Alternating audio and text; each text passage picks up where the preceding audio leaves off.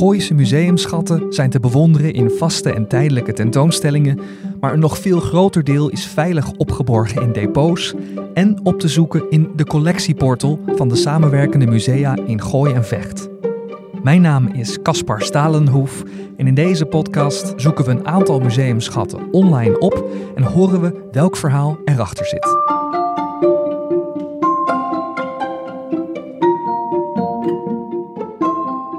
In het keukenvertrek van het Muiderslot staat een houten kast waar je zo aan voorbij kunt lopen, maar waar een heel verhaal achter zit. Het gaat van tulpen naar lust en liefde en het gaat dwars door de eeuwen heen, van de 16e via de 17e naar de 20e eeuw, waar we ons in de 21e eeuw nog altijd over kunnen verbazen.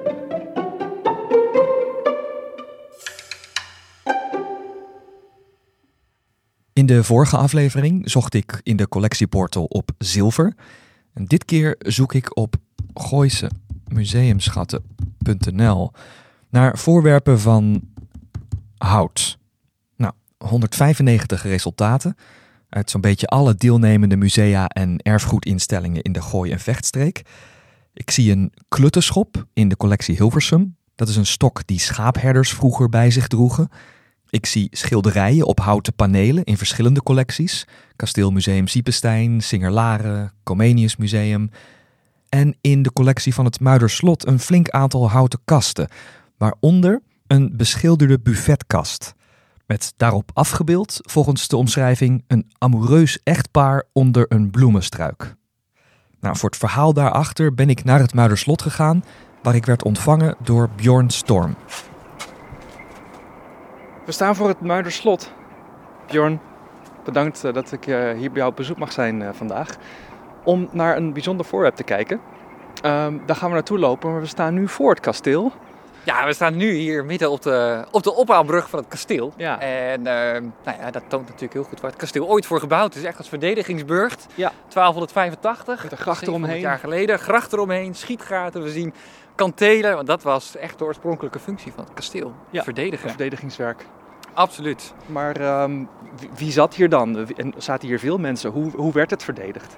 Ja, in eerste instantie in de middeleeuwen zaten hier eigenlijk niet zo heel veel mensen. Want in tijden van, van vrede, ja, heb je niet zoveel soldaten nodig. En als er echt iets aan de hand was, dan eh huurde je mensen daarvoor in. En in latere tijden was dit een ambtswoning voor ja. de drost en de baljuw van Muiden en het Gooiland. Veel moeilijke woorden, maar het was eigenlijk een soort van ja, lokale ambtenaar. Een soort bestuurlijke functie. Bestuurlijke functie, ja, absoluut. Die nou ja, was verantwoordelijk voor het bestuur en de rechtspraak hier in de directe omgeving. En daar hoorde het Muiderslot bij als ambtswoning. Dan kwam je hier En dan eh, kwam je te in, deze, in dit prachtige middeleeuwse kasteel kwam je hier te wonen. Dan kwam je hier te wonen. Maar we moeten wel bedenken, was het natuurlijk toen, eh, als we het hebben bijvoorbeeld in de 17e eeuw, toen hier Baljuws en, en Drost woonden, was het ook al wel oud en het was koud en het was misschien ook weer niet zo luxe als je zou verwachten. het was fris, het was vochtig, eh, het gebouw zat in een slotgracht. Dus het was niet alleen maar luxe als je hier zat als Baljuw op het, eh, op het Muiderslot. Laten we naar binnen lopen. Ja. Want we hebben nu vloerverwarming, dus dat scheelt.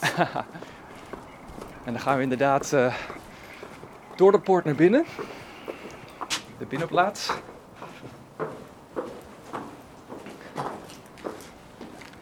Nu is het lekker rustig.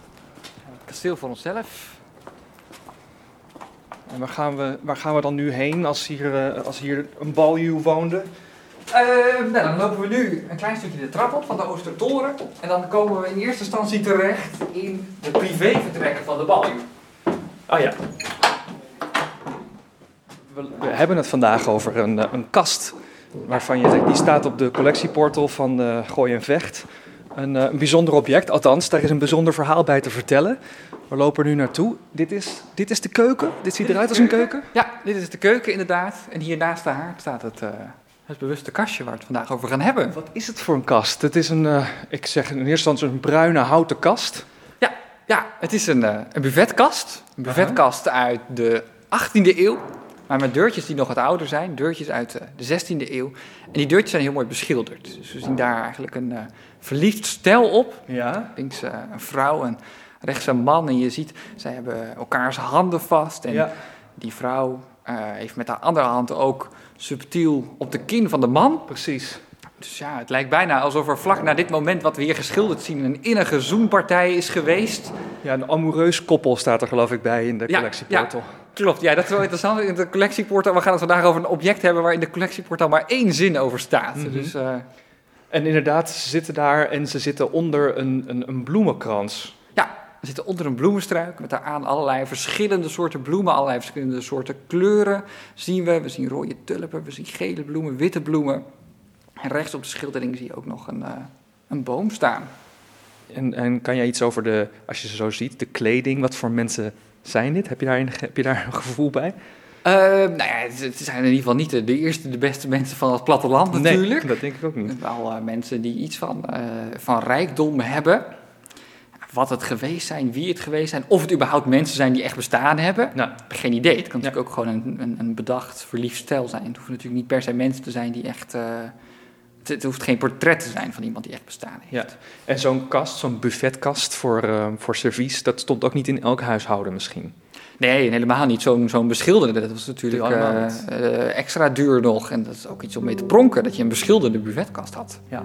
Deze keuken was echt een showkeuken. De echte keuken zat namelijk hier beneden. Dat was de goffe keuken, dat was de bakkerij en de brouwerij. Daar werd echt het grove werk verricht. En deze ruimte was voor de, ja, voor de finishing touch. En je gasten kwamen hier ook. Die was echt een representatieve ruimte. Dus het moest hier ook een beetje aantrekkelijk mooi zijn. Je moest hier ook een beetje pronken. En daarom dat zo'n servieskast zoals deze, zo'n buffetkast, ook beschilderd is. Ja. Een showkeuken. En dat zie je inderdaad ook aan de andere spullen die, eh, die hier staan. ja. Je loopt er door al die pronkende objecten in deze showkeuken dus bijna aan voorbij. De buffetkast die daar eigenlijk wat onopvallend in een hoek op de grond staat. Ja, nee, dat klopt. Het is inderdaad een kastje waar je, ja, als je door die keuken loopt, dan loop je er eigenlijk zo voorbij. Je kijkt je helemaal niet naar juist dat kastje. Maar ik heb het zelf altijd wel, door die beschildering, wel een sfeervol kastje gevonden. En eh, ja, ik dacht eigenlijk, juist wel leuk om in een kastje te duiken waar we op het oog niks van weten. Waar we Ja. maar één zin in de beschrijving hebben staan. Welke dingen kunnen we daar dan nog meer aan koppelen om aan de hand van dat kastje toch iets te weten komen over het verleden, over het leven op het Muiderslot, hoe dat eruit zag. Ja. En ik denk dat dat best wel, eh, best wel mogelijk is. En dan kom je uit bij de bloemen. Dan kom je onder andere uit bij die bloemen inderdaad. We hebben al die bloemenstruik net benoemd. En eh, we hebben ook al gezegd dat er onder andere tulpen in die bloemenstruik Ja. zitten. Die, die zijn ook echt geschilderd op een manier zoals je... Nou, als ik nu aan jou zou vragen, teken een tulp. Dan maak je exact die Ja, vorm. heel herken- die ja, herken je precies. heel, eh, heel duidelijk meteen. En dat is, eh, ja, dat is geen toeval dat daar tulpen op staan. Omdat tulpen in het verleden een heel modieus iets was. Je ziet dat in de, ongeveer de 11e eeuw. In Kazachstan en Azië wordt melding gemaakt van een bijzondere bloem, Mhm. de tulp. Mhm. Ja, die gaat eh, naar, naar Turkije en in de 16e eeuw komt hij ook hier in, eh, in Noord-Europa en daarmee in Nederland terecht. En met name hier in Nederland wordt die tulp onwijs populair. Ja.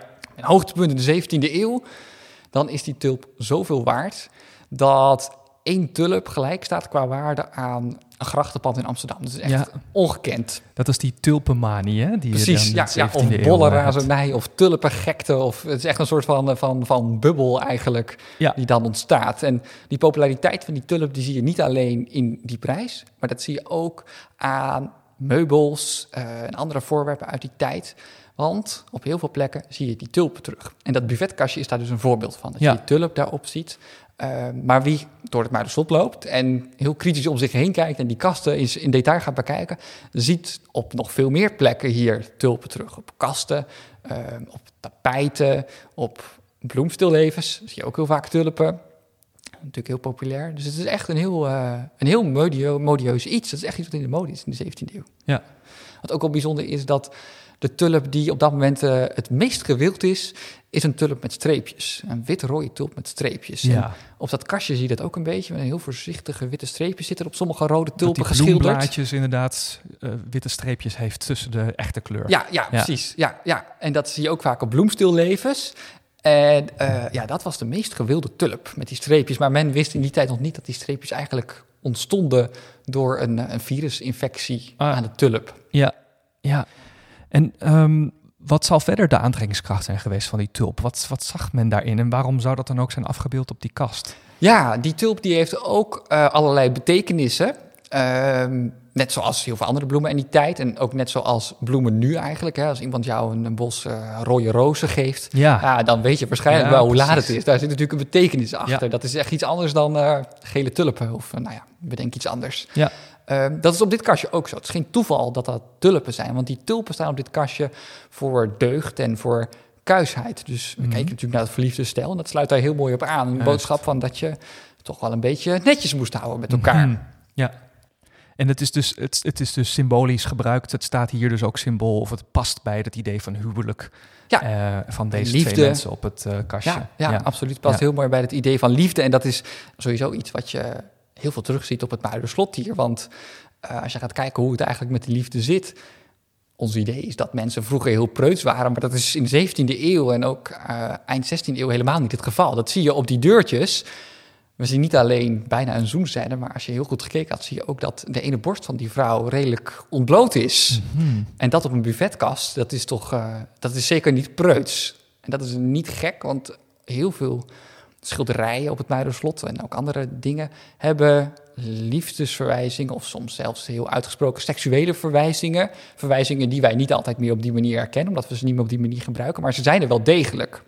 Er zijn heel veel verhalen over liefde op het Muiderslot. Ja, nou die zijn er dus heel veel. Ja. En die hebben dan ook die soort van, ja, ook wel die niet zo kuisen of die uitbundigheid. Eh, absoluut, ja, absoluut. Je ziet ook op een uh, best wel groot schilderij hier in de Ridderzaal ook een vrouw met een ontblote borst, heel duidelijk in beeld. Ehm, wat dus een schilderij is, wat ook gewoon in representatieve ruimtes hing. Wat zomaar in een grachtenpand kon hangen of in zo'n ridderzaal op een kasteel. Dat was in de 17e eeuw helemaal niet raar. Het moest dan wel aan bepaalde eisen voldoen. Het moest wel mooi naakt zijn. Het moest als kunst naakt zijn. Ja, een beetje per se meteen, Precies, precies. Niet per se meteen op een heel erotisch geladen manier. Dat wel. Toch weer binnen die lijntjes? Binnen die lijntjes. Maar tegelijkertijd zitten er heel vaak wel allerlei seksuele symboliek in. Dus op dat schilderij zie je bijvoorbeeld ook een herder die fluit speelt. En dat die fluit speelt op dat schilderij, dat is, dat is absoluut geen toeval. Dat is ook weer een verwijzing naar liefde en naar lust. Ja. Dus je ziet dat er heel vaak terugkomen. En wat interessant is, is dat dat in de 17e eeuw dus gewoon kon. Geen probleem, geen taboe. Als je inderdaad een beetje binnen die lijntjes kleurde. Mhm. En iets later, in de 18e eeuw, wordt het ineens weer een ding. Dat soort schilderijen ja, dat kan eigenlijk niet meer. Dat hang je toch niet meer echt ah, aan de ja, dus muur dan zouden ze daar niet hebben gehangen. Nee, nee dat, dat zou typisch zo'n schilderij zijn met zo'n ontblote borst... die naar zolder verdwijnt omdat het misschien wel een slechte invloed heeft op de kinderen. Dat soort redenen komen dan natuurlijk naar boven. Ja, dat kan dan niet meer. Dus die ideeën over preutsheid, die veranderen continu. En dat maakt dat servieskastje ook juist zo interessant... want het is een 18e eeuws kastje waarschijnlijk... met die 16e eeuwse beschildering erop. Dus dat betekent dat die 16e eeuwse deurtjes in de 18e eeuw, die eeuw waarvan we net hebben gezegd, die is toch eigenlijk wel wat preutser, Juist. erop is gezet. Dat is wel opvallend. Maar we weten helaas niet wie dat wanneer gedaan heeft en waarom. Maar het past niet helemaal in die tijd eigenlijk. Ja. Hier zie je een soort historische gelaagdheid die je eigenlijk overal in het Muiderslot tegenkomt. Er hebben honderden jaren mensen gewoond en gewerkt. Van buiten ziet het er grotendeels middeleeuws uit. Van binnen ogen de meeste ruimte 17e eeuws. En dat is een keuze die is gemaakt toen het kasteel rond 1880 een museum werd. Toen moest worden bepaald met welke meubels het moest worden ingericht, uit welke periode. Want telkens als hier een drost of een baljuw plaats maakte voor zijn opvolger, nam die zo'n beetje het hele interieur weer mee en kwam de nieuwe ambtenaar dus in een min of meer leeg kasteel terecht. Dat het interieur nu 17e eeuws oogt, komt door schrijver P.C. Hoofd. Hij is de bekendste drost en baljuw die hier heeft gewoond. En dat was in de 17e eeuw. Hij moest zelf ervoor zorgen dat hij hier een gemeubileerd kasteel had. Ja. Want dat was belangrijk, omdat hij ook belangrijke gasten hier moest ontvangen. Het was echt een werkplek voor hem. Het was niet alleen een kasteel waar hij woont, het was ook echt zijn werkplek. Ja. Waar belangrijke gasten ontvangen moesten worden. En dat moest natuurlijk wel een beetje chic. Ja. Hij klaagt daarover in zijn brief dat hij dat eigenlijk allemaal zelf moet doen. Hij stelt in, uh, in 1613 bijvoorbeeld van ja, ik heb hier een kasteel waar maar voor 100 gulden aan inboedel in staat. En onder inboedel bedoelt hij dan echt alles. Dus tafels, stoelen, maar ook het serviesgoed wat bijvoorbeeld in zo'n buffetkast had, uh, had gestaan. Ja. En dan is 100 gulden voor een heel kasteel, ook in de 17e eeuw. Is niet heel erg veel. Dus hij klaagt daarover. En ook in een latere brief zegt hij dan van ja, ik heb eigenlijk dat hele kasteel hier op eigen kosten moeten inrichten. Dat vond hij eigenlijk niet kunnen. Ja. En is er, weten jullie hoe en waarmee hij dan dat kasteel heeft gevuld? Met welke spullen? Ja. En dat is heel erg lastig. Dat is een probleem waar we eigenlijk ook nu nog tegenaan lopen. En ook met die restauratie heel erg tegenaan lopen. Dat we heel slecht weten wat hij dan precies hier had staan. Er is eigenlijk niks bewaard gebleven. Er is Ja. nog eh, geen tafel waarvan we echt met zekerheid kunnen zeggen... nou, dit is een tafel waar hoofd aan gezeten heeft. Dat is Mhm. er eigenlijk haast niet. Mhm. En dat is dus heel erg lastig. En dat zie je ook al in de 19e eeuw. Eh, rond 1900 gaan ze dit inrichten. Het duurt natuurlijk wel een poos. Gaan ze dit restaureren. Ja. En dan gaan ze eigenlijk met name kijken van... hoe zou het er in de 17e eeuw uit hebben kunnen zien? Hoe Ja. zag het er op andere plekken uit in de 17e eeuw... in soortgelijke gebouwen? En op die manier is eigenlijk een collectie verzameld... om te laten zien hoe Hoofd er ongeveer bij heeft gezeten. Waarschijnlijk. Wat weten jullie wel over wat eh, Hoofd hier neerzette om hier te kunnen wonen, Ja, nou ja, specifiek over het servies weten we wel iets. Mhm. Ehm, het is heel waarschijnlijk in ieder geval dat er porselein heeft gestaan op kasten om mee te pronken. Net zoals dat beschilderde kastje iets was om mee te pronken. Net zoals die keuken iets was om mee te pronken. En we weten ook dat hij heel mooi glaswerk heeft gehad. Hij had namelijk een goede kennis, een vriendin, Maria Tesselschade. Zij kwam hier ook af en toe op het kasteel. Mhm. Heel talentvol eh, iemand was dat. En zij was onder andere heel goed in het graveren van glas. En dat deed zij onder andere voor hoofd. Soms gaf ze dat als geschenk, soms deed ze het ook op bestelling, soms ook samen met haar zus Anna. Dus we weten in ieder geval zeker dat hoofd schitterend gegraveerd glaswerk hier Ja. op het Muiderslot had. Is daar nog wat van bewaard gebleven? Daar is toch wat van Ah, bewaard gebleven. Ja, ja. dat wel.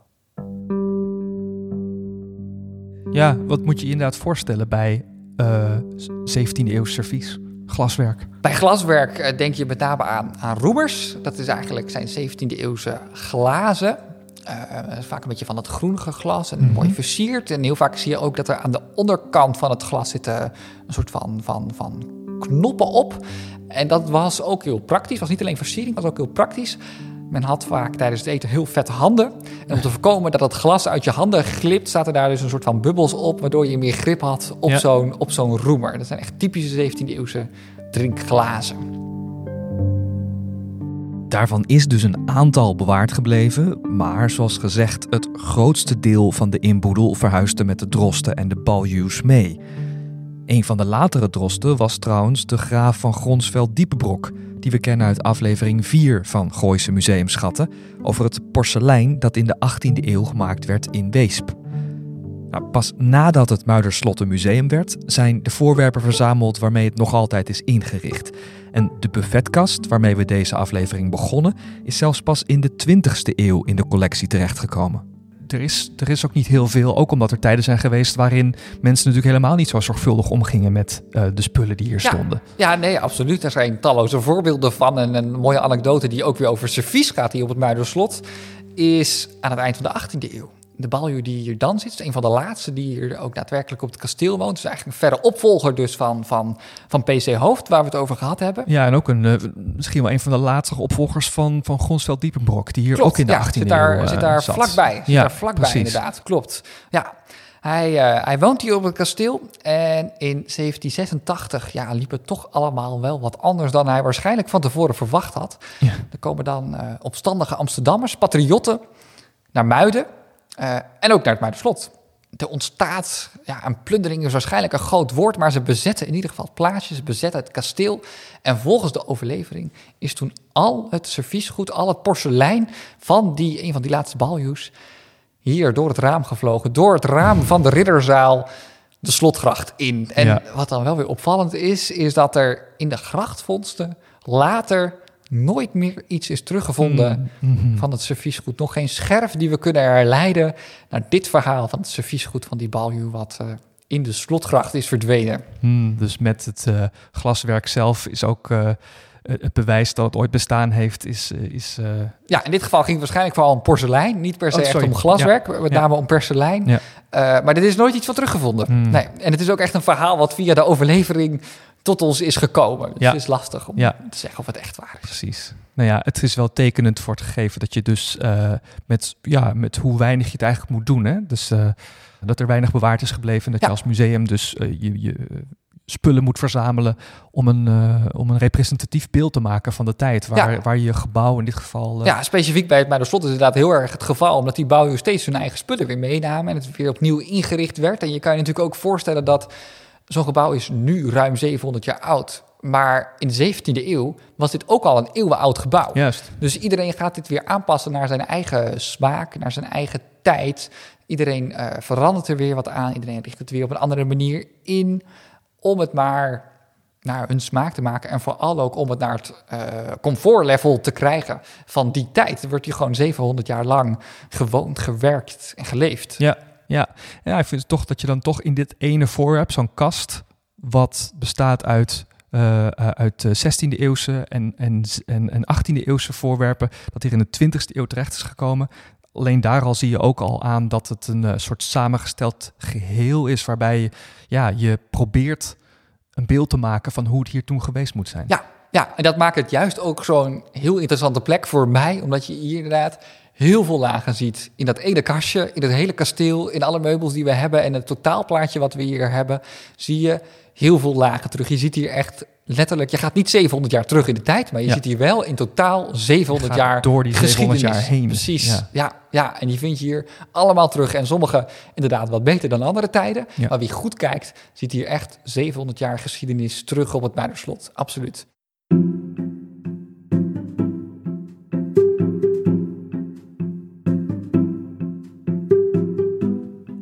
Naast de bloemen op de buffetkast en vele andere voorwerpen in het Muiderslot zijn er natuurlijk ook echte bloemen en historische planten in de kasteeltuinen van het Muiderslot, die nu in de lente weer tot bloei komen. En tot 12 juni 2022 zijn in het kasteel bloemportretten te zien van fotograaf Dennis Atjak. Nog meer Gooise museumschatten in de buitenlucht zijn te vinden in de museumtuinen. De botanische tuin van Pinetum Blijdenstein in Hilversum, de Piet Oudolf beeldentuin van Singerlaren en de historische tuin van Kasteelmuseum Siepenstein in Loosdrecht. Over twee weken verschijnt er een nieuwe aflevering van deze podcast, die je kunt luisteren via Spotify, Apple Podcasts of andere podcast-apps. En je kunt de podcast daarop ook volgen, zodat je vanzelf notificaties krijgt wanneer er nieuwe afleveringen zijn. Mijn naam is Caspar Stalenhoef en ik sprak in deze aflevering met Bjorn Storm, publieks- en educatiemedewerker van het Muiderslot. Tot de volgende aflevering van Gooise Museumschatten.